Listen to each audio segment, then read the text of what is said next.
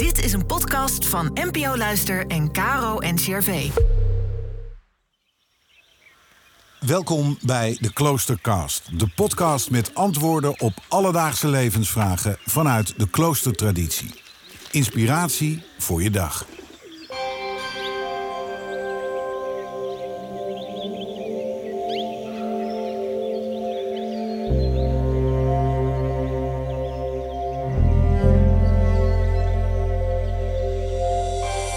Vandaag, 2 november, is het Allerzielen. De dag waarop we onze dierbare overledenen herdenken. Op deze dag stelt Guido van Bellen, abt van het trappistenklooster Maria Toevlucht in Zundert, ons de vraag: Heeft u ooit een zusterziel ontmoet?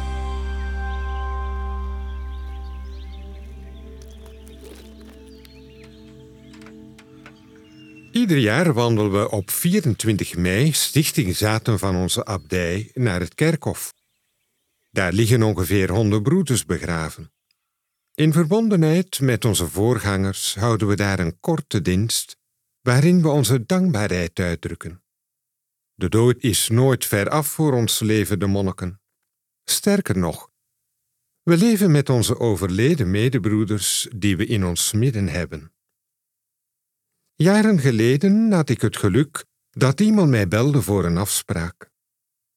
Hij was nog niet lang daarvoor ontslagen op zijn werk en maakte een innerlijke crisis door. Vooral dat laatste was voor mij een reden om positief te reageren op zijn vraag.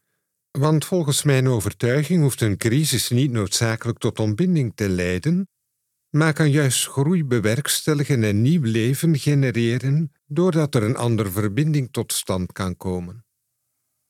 Het werd een hele serie gesprekken waarbij er gaandeweg een haast ongemerkte verschuiving plaatsvond van het alledaagse naar het bijzondere. Ik bedoel hiermee dat hij mij dichter bij zijn ziel toeliet en ik hem dichter bij de mijne. Hij vertelde mij eerst nog aarzelend, later met volle passie, over zijn grond en zijn bronnen van inspiratie.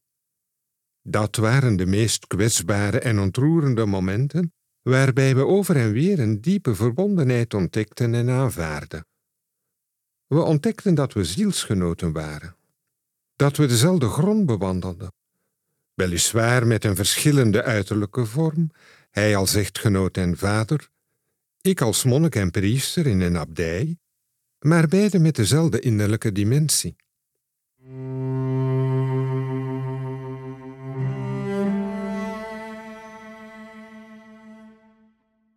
De ontmoeting met deze man was een ontmoeting, zoals filosoof-theoloog Maarten Buber, die in zijn boek Ik en Jij in 1923 omschreef. Een ontmoeting van persoon tot persoon, waarbinnen wij beiden een jij voor elkaar waren en een ik voor onszelf. Deze ontmoeting van mens tot mens was niet van mij en niet van hem, maar een nieuwe scheppende verbinding van ons beiden. Zoals in elke relatie ontdekten we ook verschillen. Maar deze verschillen zorgden ook voor beweging, vernieuwing, onverwachte verrassingen voor het leven van het leven. Verschillen wekken verwondering, nieuwsgierigheid en avontuur. Want zowel hij als ik zagen deze verschillen als de kwaliteiten die de ander heeft, als uitdagingen tot contactversterking. Dat vroeg van ons beiden de bereidheid om open te staan voor de wezenlijke andersheid van de ander, zonder oordeel. Ben ik bereid om het verschil toe te laten? Ben ik daartoe niet bereid, dan begint ontbinding de verbondenheid aan te tasten.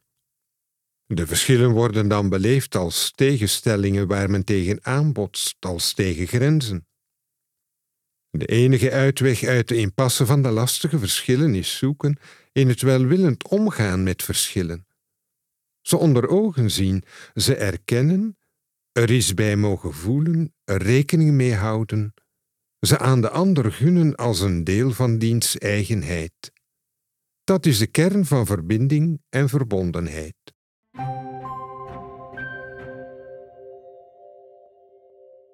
Mijn zielenbroeder overleed in december vorig jaar. Een niet te verwijderen hersentumor had zich in zijn hoofd ontwikkeld. We namen over een jaar gespreid uitgebreid afscheid. Wat was het deugdelijk voor de dorstige ziel dat we samen dezelfde grond mochten bewandelen. Mijn goede vriend heb ik los moeten laten. Ik heb afscheid genomen van zijn lichamelijke vorm, niet van zijn ziel. Want over de dood heen blijft onze zielsverbinding voortbestaan.